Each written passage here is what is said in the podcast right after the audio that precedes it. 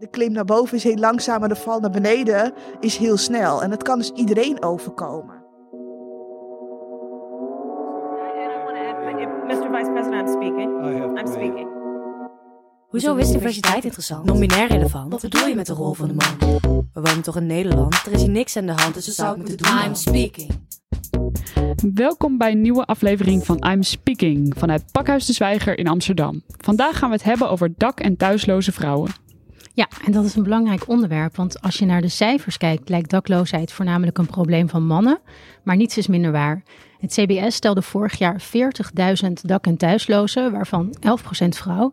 Dat lijkt vrij weinig, maar de cijfers vertellen niet het hele verhaal. Katelijne Akkermans gaat ons daar straks alles over vertellen. Katelijne Akkermans is zelfstandig onderzoeker, expert op het gebied van armoede, schulden, dak- en thuisloosheid. En van haar hand verscheen in het zomernummer van Sociale Vraagstukken de analyse Dakloosheid van vrouwen blijft onderbelicht. Waarin zij uitlegt hoe door de huidige benadering veel dak- en thuisloze vrouwen buiten beeld blijven. Met alle gevolgen van dien. Welkom Katelijne. Ja. Leuk dat je er bent uh, bij ons vandaag. Wij hebben één uh, algemene vraag die we al onze gasten stellen. En Mhm. dat is, uh, wat betekent feminisme voor jou? Nou, een heleboel. En misschien wel wat er net gebeurde voor de aanvang van deze podcast, dat we het geluid niet, niet helemaal op orde kregen. Toen schoot er zo door mijn hoofd, ja, Weet je, feminisme voor mij is ook gewoon heel belangrijk om gehoord te worden, je stem te, te horen. Ja. Um, uh, en ook gezien, uh, gezien te worden. En uh, feminisme staat voor mij um, ook voor vrijheid. Om als vrouw te kunnen doen wat ik wil, om mijn leven te kunnen inrichten op een manier die ik wil. En dan gaat het natuurlijk niet alleen om mij als vrouw, maar ja, de groep vrouwen, over, over een groep. En zolang de groep vrouwen uh, structureel nog uh, minder betaald krijgt dan mannen, er minder vrouwen aan de top zijn, uh, vrouwelijke daklozen in mindere mate gezien worden, is feminisme echt voor mij een hele urgente drijfveer. Daarover nadenkend zal ik ook denken, ja, het is eigenlijk breder dan dat. Hè. Het gaat om emancipatie en empowerment. En niet alleen om vrouwen, maar in een inclusieve samenleving wil je dat iedereen ertoe doet en erbij hoort. Mooi. Ja, helder. Nou, je zei het even al, we horen je nu wel goed. Uh, we hebben een verbinding via Zoom. Nou, je noemde al even emancipatie, empowerment, uh, vrouwen. Misschien is het goed om met een heel basale uh, vraag te beginnen. Je hebt dat stuk geschreven over dak- en thuisloze vrouwen. Wat ik me eigenlijk heel erg afvraag, en ik denk dat ik daar niet alleen in ben, is ehm, hoe wordt iemand dakloos? Want in jouw stuk heb je het ook over dat er verschillende routes zijn naar dakloosheid en dat vrouwen vaak een andere route volgen dan mannen. Ja, er zijn verschillende uh, wegen naar, uh, naar dakloosheid. Um, het kan gebeuren dat, uh, dat mensen hun huis verliezen na een ingrijpende levensgebeurtenis, na een echtscheiding bijvoorbeeld. Um, dat ze in geval van vrouwen bijvoorbeeld door een partner op straat worden gezet. Um, je kan dakloos worden, dat is een andere route uh, door bijvoorbeeld geldproblemen, waardoor je je woning niet meer kan, kan betalen. Daar zitten vaak ook hele, heel veel andere problemen mee verknoopt. Het is bijna nooit alleen maar die ene levensgebeurtenis of alleen maar dat geldgebrek. Uh, het, is, het zijn vaak al ingewikkelde, kwetsbare levens. Uh, maar huisuitzetting uh, is ook een, uh, een belangrijke route naar, naar dakloosheid. Um, het kan ook na ontslag uit detentie of een psychiatrische opname zijn dat er ja, mensen wel ontslagen worden, maar dat er geen, geen huis is. En na migratie kan ook een, een, een, belangrijke route zijn. En je ziet dat ja, vrouwen lopen vaak andere paden richting dakloosheid. Ja, hebben gewoon andere kwetsbaarheden dan, dan mannen. En van de routes die jij dan net noemt, zijn er bepaalde routes die vrouwen dan vaker uh, ja, bewandelen, om het zo te zeggen? Is, is dat onderscheid nou, te maken? Weet je, dat soort kennis uh, is maar te, dat is maar ten dele heel erg uitgezocht en uitgevlooid in onderzoek. Dus je, uh, en dat, dat, dat is ook lastig, want als je kijkt naar degenen die bijvoorbeeld bij de maatschappelijke opvang terechtkomen, dat zijn in meerderheid mannen. Ja. En op die groep vrouwen hebben we gewoon vaak niet zo'n zicht. Uh, want vrouwen zullen er uh, alles aan doen om niet op straat uh, te belanden. Zeker als ze ook nog de zorg hebben voor kinderen. dus vrouwen duiken een beetje onder de radar. Die, die maken gebruik van hun netwerk. Die slapen op de bank bij, bij vrienden. waar ze dan vaak niet lang kunnen blijven. Dus die hebben zo'n bankhoppend bestaan. Um, dus we zien ze niet altijd. We, we, herkennen ze niet altijd. En we weten dus ook niet precies of er, ja, hoe, hoe die verschillende routes helemaal lopen. Maar het is gewoon heel erg aannemelijk dat vrouwen uh, veel vaker bijvoorbeeld na uh, huiselijk geweld uh, op straat belanden of in de vrouwenopvang. Gewoon vluchten uit huis. Ja. Dat ze on, on, onveilig wonen. een route die voor mannen ehm, niet geldt, of veel minder. Um, ook bijvoorbeeld uh, verslaving, uh, verslavingsproblemen. Daar zien we toch vaker mannen weer op straat komen. Dus ja, dat, dat ligt echt anders voor beide groepen. Ja, en um, uit Brits onderzoek kwam naar voren dat dakloze vrouwen meestal uh, relatief jong zijn en vaker psychische problemen hebben. Nou, je zei net al van over de Nederlandse situatie en het profiel is eigenlijk niet zoveel bekend, of het is niet altijd bekend. We hebben deze vrouwen niet altijd in zicht. En um, kun je daar nog wat meer over vertellen? Hoe komt het dat die cijfers een onvolledig verhaal vertellen en uh, dat we daar relatief weinig over weten? Er zit eigenlijk een enorme blinde vlek in de manier waarop wij kijken naar dak- en thuislozen.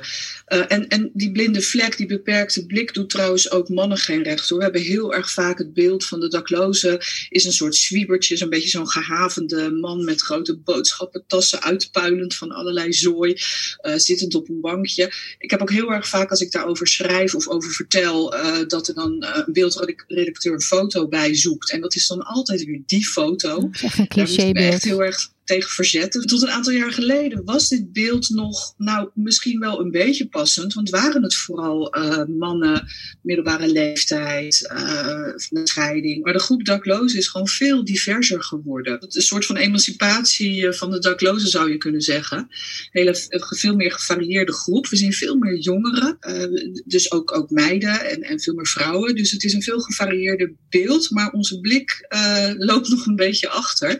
En een, een heel heel groot probleem of een punt dat die vrouwen zo onzichtbaar zijn, is dat we ook in beleid uitgaan. Het CBS telt uh, het aantal dak- en thuislozen. En dat doen ze op een bepaalde manier die eigenlijk stelselmatig vrouwen uh, ja, buiten beeld laat, uh, onderschat. er wordt bijvoorbeeld geteld naar het aantal mensen dat zich in de maatschappelijke opvang, dus de daklozenzorg, meldt. Ja. ja, dat zijn gewoon veel meer mannen.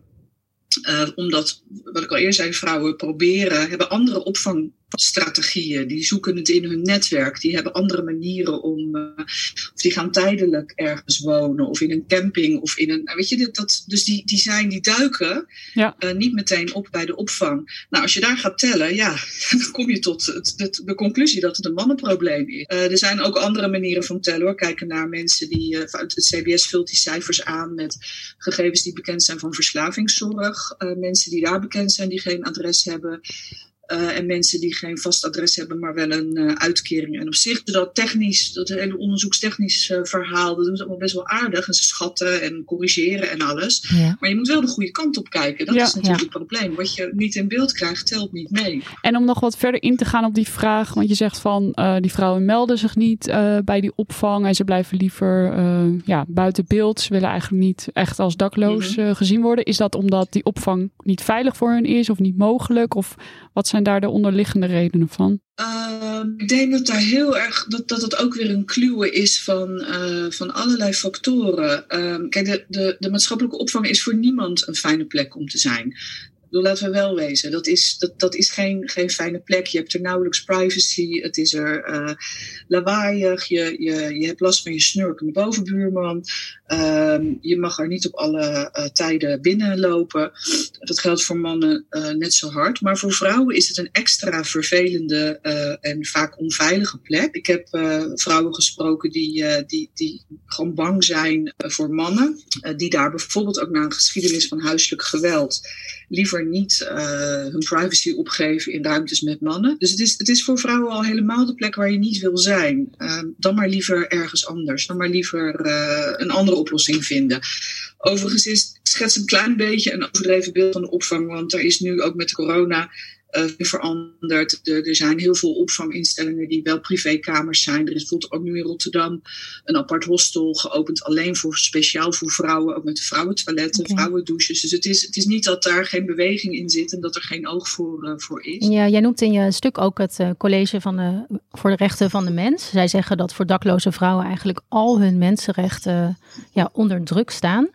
Ik denk dan natuurlijk direct aan het recht op huis, uh, huisvesting. Dat, dat spreekt denk ik voor zich in deze context. Maar het gaat dus om meer mensenrechten, als ik het goed begrijp. Ja, je hebt ook het recht op, ik weet even niet hoe dat formeel heet, maar op, uh, op gezinsleven.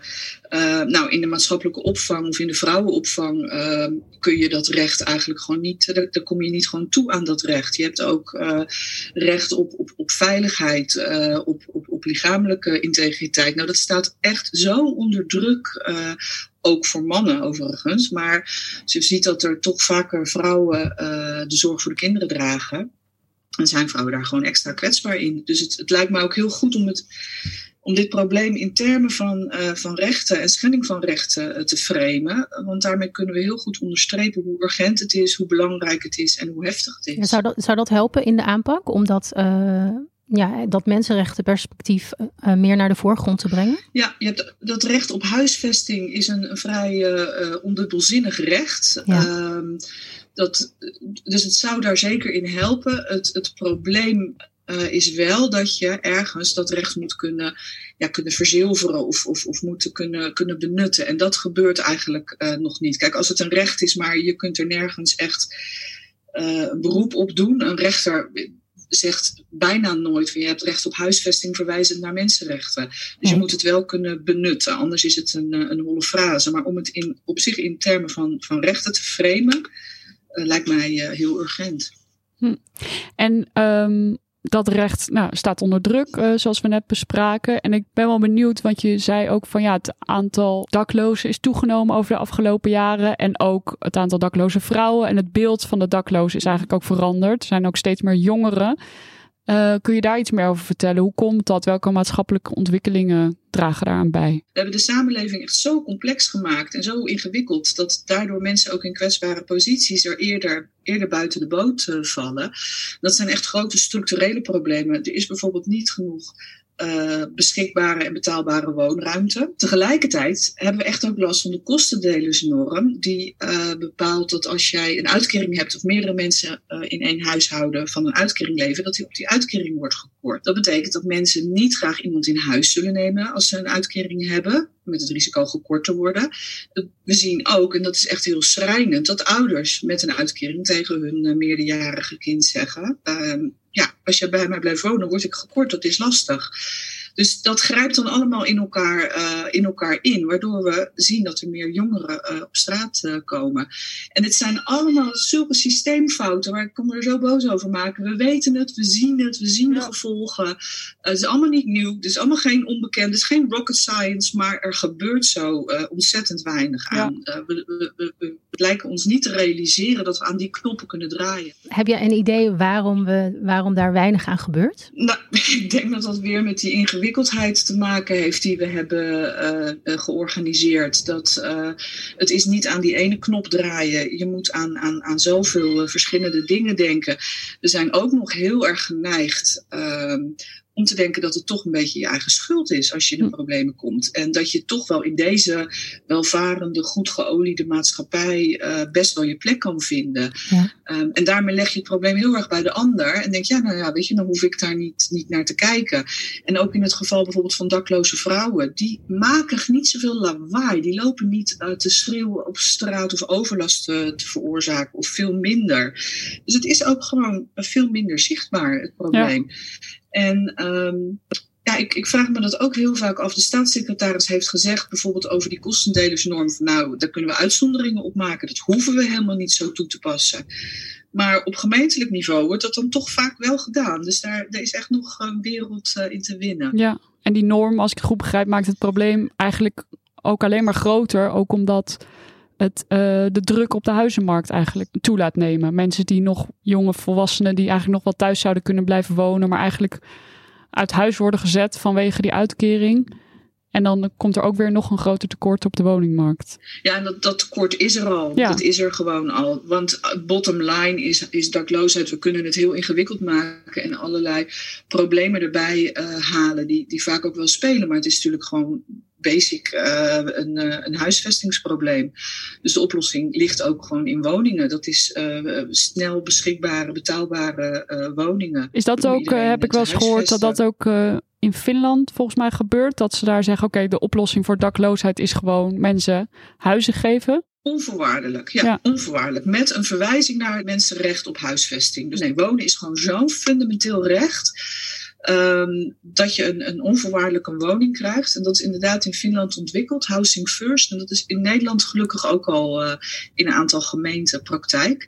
Maar het blijft um, lastig, omdat er toch vaak wordt gedacht dat je het eerst moet verdienen als dakloze om, om in aanmerking te komen voor een woning. Je moet je een beetje gedragen, je moet een beetje je geldzaken op orde hebben, je moet niet te lastig zijn, je moet naar allerlei eisen moet je aan voldoen. En dan, als je, nou, dan, dan kom je in aanmerking voor een woning. En Housing First draait dat radicaal om. Uh, niks daarvan. Uh, je hebt gewoon recht op een, op een huis. En als je een dak boven je hoofd hebt, kan dat herstel pas beginnen. Ik kan me voorstellen dat een dak boven je ja, hoofd eigenlijk die basis is die je nodig hebt om. Uh nou, om even het jargon te gebruiken, om echt zelfredzaam te worden en al die andere problematiek te kunnen aanpakken. Klopt dat? Ja, zeker. Als jij uh, uh, geen dak boven je hoofd hebt en elke dag uh, moet, moet, moet overleven, dan kom je niet heel erg toe aan je lange termijn doelen. En uh, dan kom je niet, dan, dan moet je, dan is gewoon zo ingewikkeld bestaan. En daarom zie ik ook niet zo heel erg veel in het allemaal nieuwe opvang en het uitbreiden daarvan en het schik maken van die opvang voor vrouwen. Dat is allemaal heel erg mooi en, en super belangrijk op zich.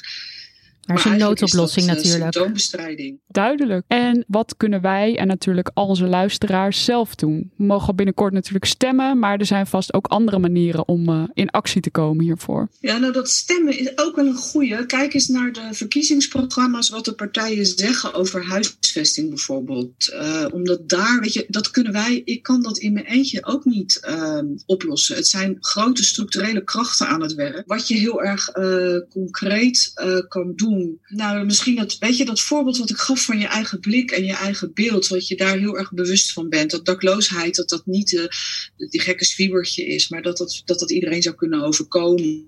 Dat, dat het an, niet de ander is waar jij niks mee te maken hebt, maar uh, wat empathie beseft. Dus ik denk dat is misschien een uh, belangrijke stap. Nou, ik denk dat dat, uh, dat dat heel goed is en dat jij ons daar al bij al hebt geholpen om dat clichébeeld een beetje, een beetje bij te stellen van wie de dakloze is of wie in elk geval de dakloze zou kunnen zijn. Ja, zeker. Fijn. Nou, dankjewel Katelijne. Heel fijn dat je met ons in gesprek wilde vanochtend.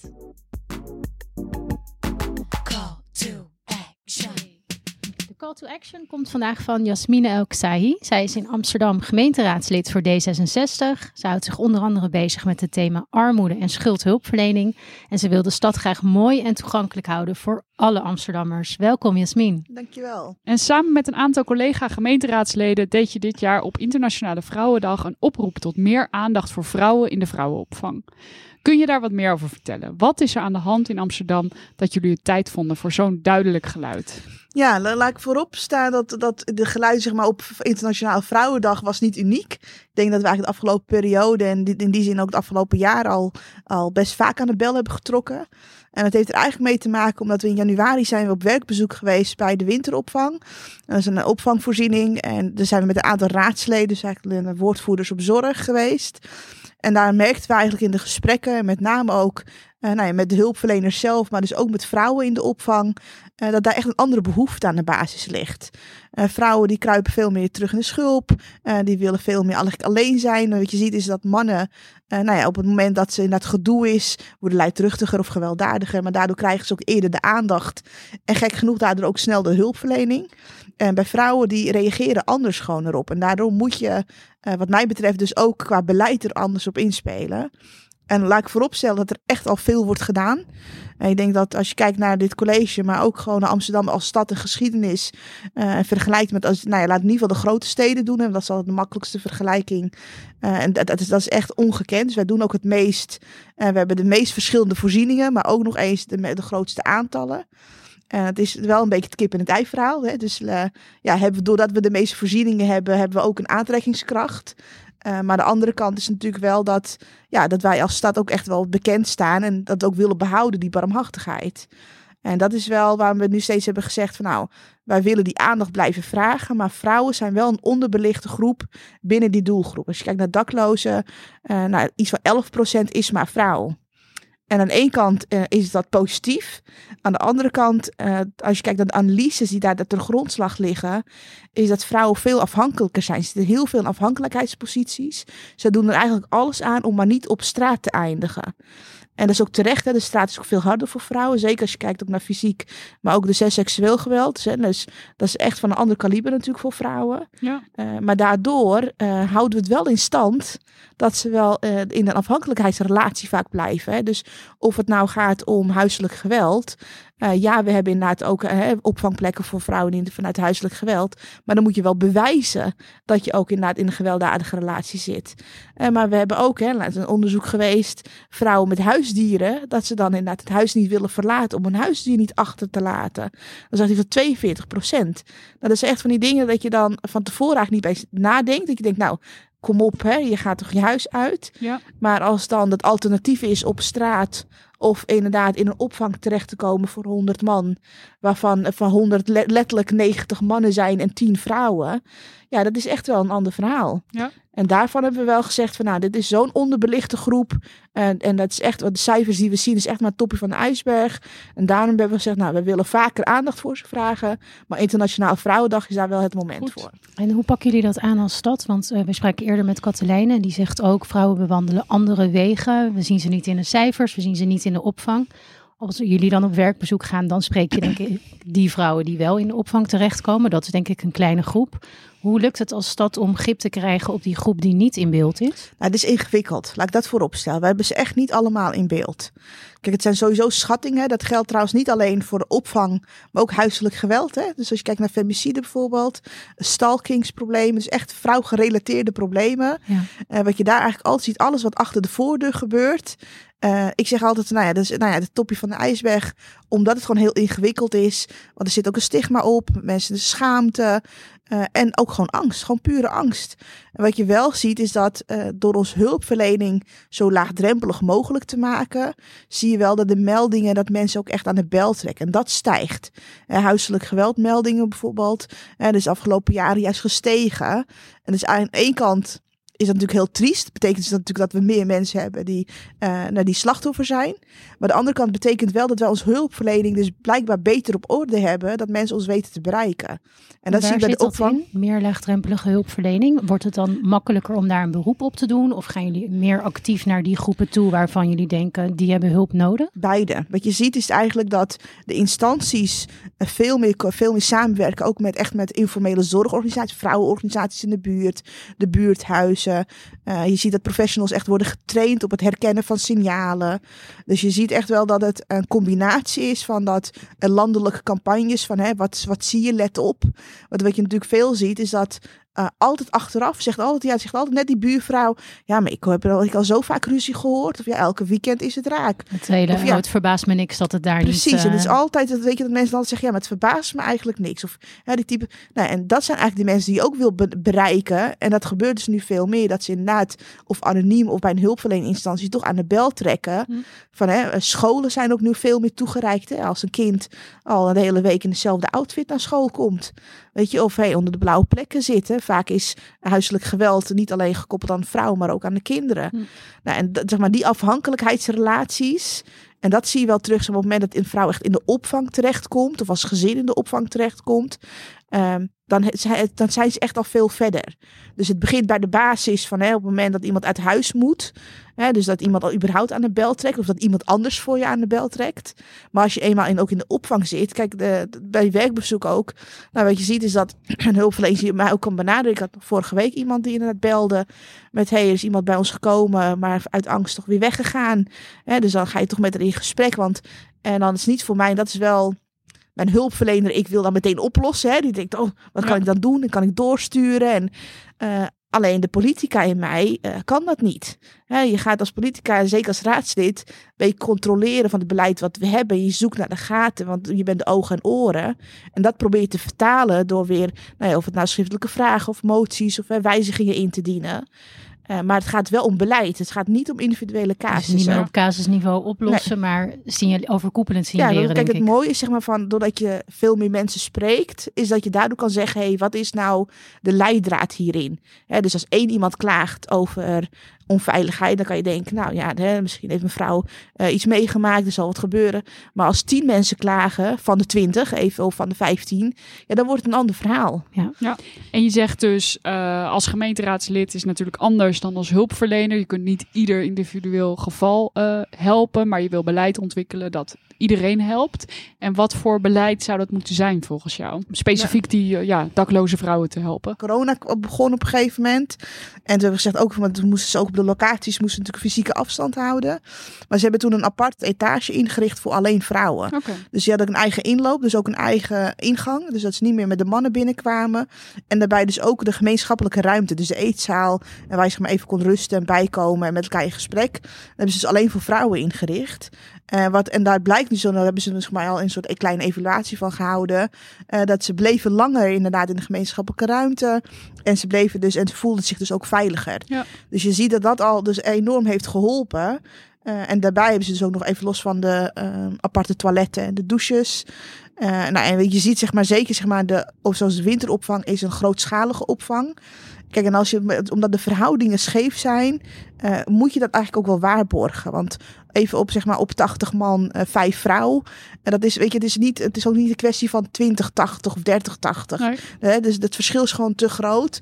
Dus ja, dan hoef je zeg maar geen genie voor te zijn om te snappen dat dat niet fijn is. Nee. Elke vrouw die wel eens ja. omringd door uh, 80 mannen ja. weet dat dat misschien niet heel veilig voelt. Nee, wat ze ook nog hebben gedaan is vanuit het ambtelijk hebben ze nog een gesprek gehad met meerdere vrouwen om juist ook op te halen. En het bijzondere daarvan was wel dat het, uh, met name als je kijkt naar onveiligheidsgevoel, dat het verschil enorm groot is tussen uh, de jongere en de oudere vrouwen. Hm. Uh, jongere vrouwen die zijn gewoon nog niet gemazeld en gepokt zeg maar, door, door de straat. dus daar, die voelden zich veel sneller onveilig, omdat ze gewoon de situatie niet kennen. Als je nog Ja. nooit in een opvang bent geweest of daar nooit hebt geslapen, ja, dan is het echt een ander verhaal Ja. eh, dan inderdaad als je al 20 of 30 jaar al Ja. meedraait in die scène. Dan ken je het klappen, Ja. klappen van de zweep. En dan Precies. blijft denk ik nog gelden wat Katelijne ook zei. Een opvang is voor niemand een fijne plek om Nee. te zijn. Je gaat daar niet heen eh, om daar even lekker lol. te vertoeven. Nee, en het is, kijk, het is altijd het gevoel, hè, dat heb ik ook, hè, want ik ben een opvang geweest. Je wilt altijd meer doen. Hè? Dus dat is wel, dat gevoel be- behoud je ook. En ik vind het ook, nou ja, dat, ik, ik vind dat ook menselijk. Dus in die zin, op het moment dat je dat niet meer hebt, dan moet je je gaan zorgen gaan maken, denk ik dan maar. Eh, de andere kant is wel, als raadslid moet je ook naar het grotere geheel kijken. En als je dan ziet van ja, ehm, eh, wij hebben überhaupt een winteropvang. Of wij hebben überhaupt die opvangplekken. En we hebben van de grootschalige. En op een gegeven moment eh, ga je ook naar kleinschalige. Beschermd wonen. Dus dan word je veel meer de begeleiding. Want de begeleiding is echt cruciaal. En ik vind daar, daar ben ik ook echt wel nou ja, kritisch, maar ook realistisch op. Ehm, wat mij betreft, we hebben gewoon niet de financiën om alles maar open te gooien voor iedereen die hier een opvangplek nodig heeft. En ook, hè, dan hou in gedachten ook gewoon dat we gewoon het meeste op plekken hebben in het land. Dus, hè, dus, dus, dus ik voel me ook niet schuldig als ik dit zeg. Van, hè, dat, dit niet, dat, dit, eh, dat we het ook moeten samenwerken met de regio of de rest van het land. Onze woningmarkt zit gewoon op slot. Dat is echt een groot probleem. Dus we hebben gewoon geen doorstroom. Ja. dus dan moet je ook eh, op een andere manier gaan zoeken naar oplossingen. En ik denk dat dat. Ehm, het is zeg maar de makkelijke weg om te zeggen: we moeten alleen maar iedereen opvangen. Want dat is menselijk. Maar dan zeg ik ja, maar het is niet alleen het dak boven je hoofd. Want dan is het dweilen met de kraan open. Want het gaat ook om die begeleiding. hoe, hoe gaan jullie daarmee om met dat grotere plaatje? Want je zegt zelf inderdaad al, meer opvang is hartstikke goed. En daar doet Am- Amsterdam doet heel veel op dat gebied. Op, opvang wordt vrouwvriendelijker. Eh, maar er is natuurlijk meer aan de hand. Het is multiproblematiek. Mensen moeten financieel zelfredzaam worden. Je zou ook kunnen zeggen, ja, meer opvangplekken is symptoombestrijding. Want uiteindelijk moeten mensen uit die opvang. Amsterdam zit, nou volgens mij weet bijna iedereen dat tamelijk op slot als het gaat om woningen. Ehm, hoe gaan jullie daarmee om als stad? het gaat inderdaad ook gewoon plat om geld. Eh, dus we lobbyen enorm bij het Rijk. Dus even landelijk om ook over de brug te komen voor meer financiën om kleinschalige opvang. Dus niet alleen op woningbouw, maar ook echt kleinschalige opvang. Want een, even zeg maar een deel van de mensen, eh, al hebben ze een dak boven hun hoofd, hè, of krijgen een zelfstandige woning, is het probleem niet opgelost. Dus je moet dus en investeren in die begeleiding, in de schuldhulpverlening, eh, maar ook in de psychische zorg. En je ziet dat daar met name eh, die groep veel meer baat heeft ook bij kleinschalige opvang en, de, en, de, en, en laagdrempelige eigenlijk begeleiding. Hm. En dat is wel iets wat wij nu hebben gezegd. Dat is en aan kant een pijnlijke keuze, maar die hebben we wel genomen. Dat ze zeggen, wij hebben minder opvangplekken, maar de opvangplekken die we hebben, hebben altijd begeleiding. En dat, was, dat is wel echt een keuze die we in het vorige, coalitieakkoord met elkaar hebben afgesproken. Dat we eh, uiteindelijk hebben gezegd, van, ja, over de linie hebben we echt heel veel opvangplekken. En we hebben bijvoorbeeld ook op noodopvangplekken voor gezinnen met kinderen. Nou, dat is nergens in het land. Om maar even de vergelijking te maken. Maar we hebben wel gezegd, uh, als dit betekent dat we minder plekken, maar die mensen dus wel duurzaam gaan ondersteunen, zodat ze uiteindelijk ook zelfstandig worden, dan moeten we daarin investeren. Want het is wel ik denk dat we ook als samenleving moeten accepteren dat je altijd een groep zult hebben uh, die niet mee kan. -hmm. En dat vind ik wel dat we vergeten soms dat uh, niet iedereen mee kan doen aan onze maatstaven. En er zit heel erg een oordelen, nou ja, toch een soort vingerwijzen van, ja, weet je, maar is iemand lui of iemand heeft, je, schuld heb je zelf veroorzaakt. Hoe mm -hmm. kan je dat zo stom zijn? Weet je, dat, en dat, dat zie je soms gewoon aan mensen die langs de daklozen heen lopen, weet je, en dan zo toch denigrerend naar kijken of met een vieze blik van, oh, weet je, zo de stinkende daklozen. Uh, weet je, wat dat betreft zeg ik ook altijd dat Um, nou ja, de klim naar boven is heel langzaam, maar de val naar beneden is heel snel. En dat kan dus iedereen overkomen. Ja. En dat, nou ja, dat oordelende, dat, daar heb ik echt wel moeite mee. En daarvan zeg ik, en dat moet je als politica, en dus ook als, als raad en als gemeenteraad en als college, altijd blijven onderschrijven dat een groep van de mensen niet, niet, niet zal mee kunnen draaien, maar dat ze er wel aan toedoen. Ja. En dat we ze wel zien. Dat je ook gewoon de mens uh, achter, nou ja, achter het profiel Misschien ook een mooi bruggetje naar onze laatste vraag, onze call to action. Wat uh, kunnen onze luisteraars zelf doen om uh, te helpen de situatie van dakloze vrouwen te verbeteren? Hoe kunnen we bijdragen aan de structurele oplossing? Of wat is iets dat mensen vandaag of morgen kunnen gaan doen? Ik denk dan, voor mij is het altijd tweedelig. Eén is aan één kant gewoon, hoe kijk je naar de mens? Dus hè, de, nou, op het moment dat je naar je boodschappen gaat doen bij de supermarkt en er staat een dakloze, de dakloze klanten verkopen, uh, voel je niet beter dan die dakloze. Want vandaag is hij of zij het en morgen kan je het zelf zijn. Hè, dus even, uh, uh, dus zie de mens. En de praktische kant is ook gewoon, weet je, vang, weet je, het is, soms is het gewoon een kwestie van vrijwilligersuren draaien, weet je, met buddy-projectje. Of weet je, dat je zegt, nou, hè, ik heb een schuldhulpverlening achtergrond, ik kan mensen helpen met een papierwerk. Maar ook, weet je, de praktische kant, ook opvang. Wat je ziet is dat uh, zeker vrouwen, uh, waarvoor voor de opvang eigenlijk echt nou ja, last resort is, is het gewoon heel fijn als ze een paar dagen kunnen bijkomen bij iemand. Uh, en het is niet, nee, het is niet meteen neem iemand voor tien jaar in huis. maar als je na net ook zelf een tussenperiode hebt, weet je, weet je, kan je iemand opvangen. En die heeft dat, die paar dagen kunnen soms echt het verschil maken in iemands leven. Ja. En, en, nou ja, en wees dus ook kritisch naar jezelf toe dat. Uh, nou ja, en ook gewoon, nou ja, dat is bijna een religieus verhaal, maar hoe gezegend je zelf soms kan zijn met die dak boven je hoofd, gun dat ook iemand anders. Mooi. Dankjewel, Jasmin. Ja, dankjewel, Jasmin. Graag gedaan. Sophie, wat neem je mee uit deze twee gesprekken? Nou, een heleboel uh, nieuws heb ik geleerd. Um, onder andere dat uh, dakloze vrouwen er zeker wel zijn, maar dat ze onzichtbaar zijn in de cijfers. Um, en ook dat het iedereen kan gebeuren. De klim omhoog uh, is uh, langzaam, maar de val naar beneden kan heel snel zijn. Ja, inderdaad. Ik moet zeggen dat ik heel erg aangedaan ben door dit onderwerp. En dat merkte ik al een beetje toen we research aan het doen waren voor de aflevering. En grappig wat Jasmine net zei, dat heb ik laatst al ter harte genomen. Ik had uh, boodschappen gedaan in Rotterdam en voor de supermarkt zat een dame. Zij verkocht de straatkrant. Het was waanzinnig koud. Ja. En toen dacht ik, hey, dit is ons onderwerp, maar dan in real life. Nu moet ik daad bij het woord voegen. Dus ik heb een krantje van haar gekocht. Maar ook gevraagd of zij misschien een kopje koffie wilde drinken. Omdat het zo waanzinnig koud was. En dat oh. wilde zij. Dus ik heb koffie gehaald. We hebben samen koffie gedronken op een bankje. Corona-proof, anderhalf meter afstand. En we hebben gewoon even gekletst. Wat goed. En toen dacht ik, nou, dit gaat natuurlijk voor haar situatie niet structureel iets veranderen. Maar ik had wel het idee dat het, nou, dat het wel iets uh, betekent. Dus uh, ja, dat heb ik denk ik uh, geleerd. En dat Mooi. wil ik graag vasthouden. Ga ik ook doen. En onze luisteraars straks ook. Ik hoop het wel. Zijn we aan het einde, denk ik. Bedankt iedereen voor het luisteren naar I'm Speaking. In deze aflevering spraken we met Katelijne Akkermans en Jasmine Elksai van D66 Amsterdam. Abonneer op ons via je favoriete podcast-app en laat een recensie achter. Ja, doen. Verder bedanken we Pakhuis de Zwijger voor hun gastvrijheid, Was Collectief voor het maken van de toffe muziek, Lela voor het artwork en Mout Hekman voor de fantastische productie zoals altijd. Yes! Graag tot de volgende aflevering en dan gaan we het hebben over de gezondheidszorg en het vrouwenhart. Nu al zin in. Tot dan! Tot dan!